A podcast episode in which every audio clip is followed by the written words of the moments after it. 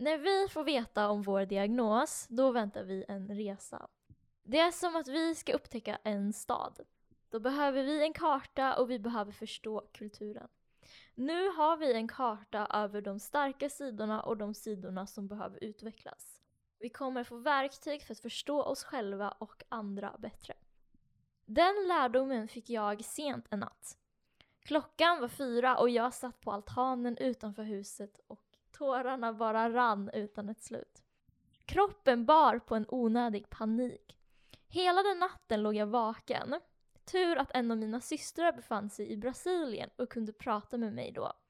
För jag behövde höra en lugnande röst. Jag behövde höra att det inte är något fel på mig, att jag inte har gjort något fel. För jag var orolig att jag precis begått ett stort misstag.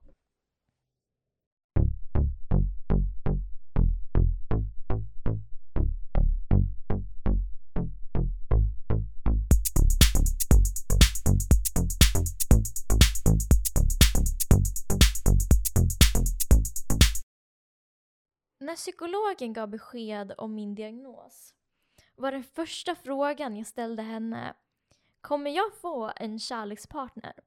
Kommer jag kunna skapa en långvarig kärleksrelation? Det här kanske var en dum fråga, för hon sa att det är självklart att jag kommer göra det.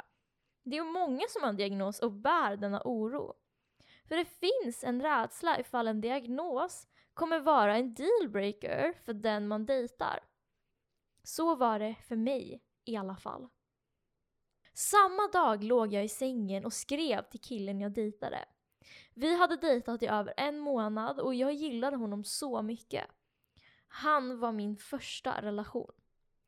Min kropp var så nervös när jag skulle berätta för honom om min autism. Det var så nytt för mig. Första gången jag frågade honom om han visste vad Asperger var. Han kunde lite om det och frågade varför jag undrar. Nej, jag vill inte berätta att jag har Asperger. För tänk om det kommer förstöra vår relation. Tänk om det är en dealbreaker. Tänk om han vill avsluta dejtandet. Jag tog mig till mod och skrev att jag har Asperger. Han skrev okej, okay, vi får ta det här face to face.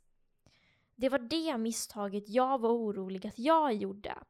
För jag var så rädd vad han ville säga face to face. För jag var så rädd att min diagnos var en dealbreaker. Och hur kommer det sig att jag hade dessa tankar? Det är ju bara en diagnos.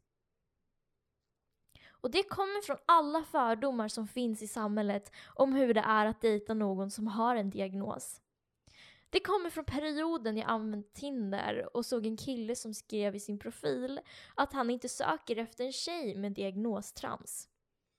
Det kommer från forum där någon skrivit att den precis fick veta att sin partner har en diagnos och undrar vad den ska göra.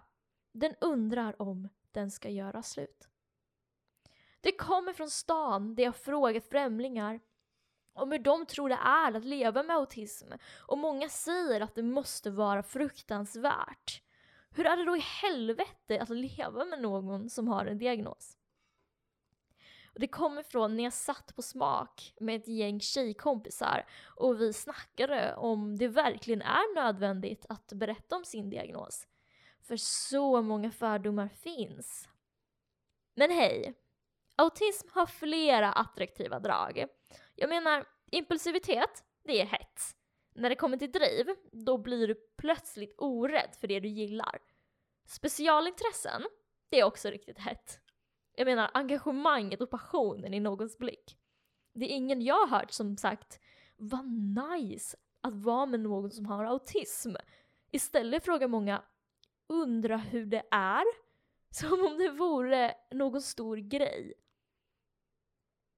Det var dessa fördomar som gjorde att jag hade gråten i halsen och bara kände att jag skulle berätta världens besked. Men det var det inte. Framförallt var det ingen dealbreaker.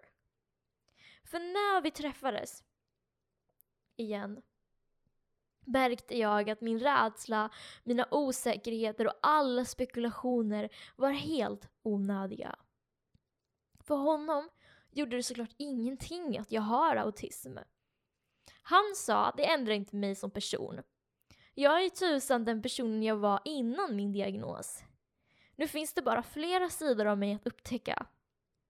Det väntar en resa och jag har en karta av alla sidor av mig. Mina styrkor och svagheter. För autismen är inte endast min svaghet. Han sa att han gillar att jag inte är som alla andra, gillar att jag är lite annorlunda. Detta hände i juni, när allt med autism var nytt för mig. Efter det blev jag mer öppen om min diagnos och skapade ännu mer självdistans till den. Till den graden att jag inte skäms över den och kan skämta om mina autistiska drag. Jag kommer ihåg väl att jag berättade om min autism på ett så lättsamt sätt för min pojkvän. Frågade aldrig om vad han tycker om det eller så, utan bara berättade. Vi brukar skämta om mina specialintressen, att jag inte förstår sociala koder, vilket kan skapa vissa udda sammanhang för mig. Vissa av mina autistiska drag, helt enkelt. Har du en diagnos och funderar på att berätta om den?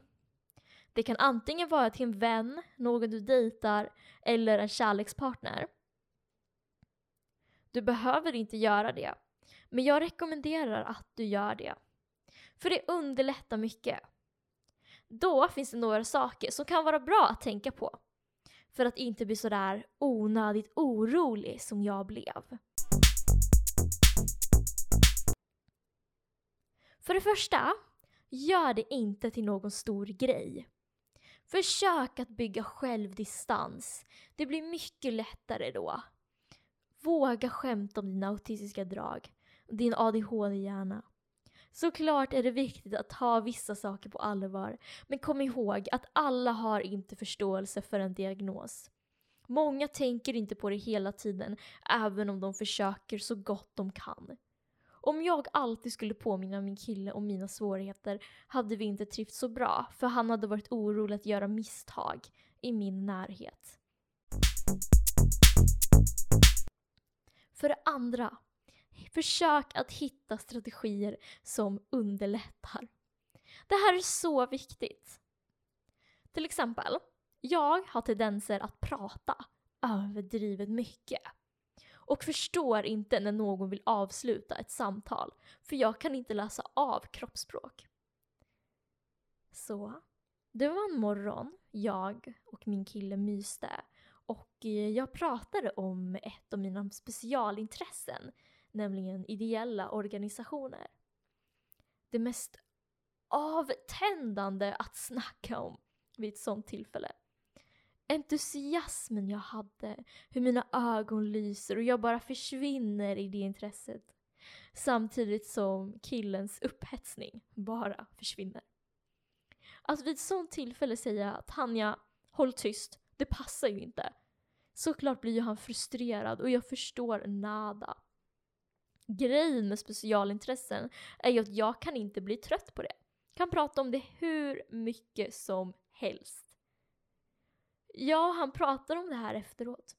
Vi kom fram till en strategi att när jag pratar om specialintressen vid så kallade fel tillfällen, där mysigare snack är bättre, kommer han säga vi kan prata om det här en annan gång. Det har hjälpt så mycket. Då blir det inte så att han känner sig obekväm att avbryta och jag kommer fatta den hinten direkt utan att det blir konstigheter.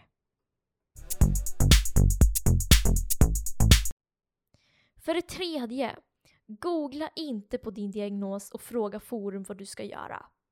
Detta kanske verkar självklart, men det finns de som gör det. Hur vanligt är det inte att man googlar upp sin diagnos eller bara att man märker drag hos sig själv som liknar en diagnos? Misstaget med det här är att man suger åt sig fördomar och åsikter som inte är bra.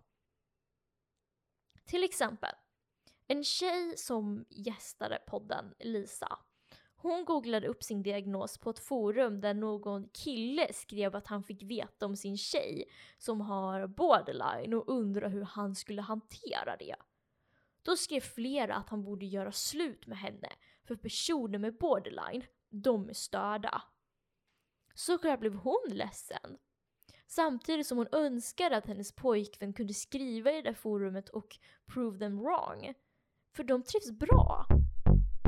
Vänd dig istället till andra som kan utgå ifrån just dina förutsättningar.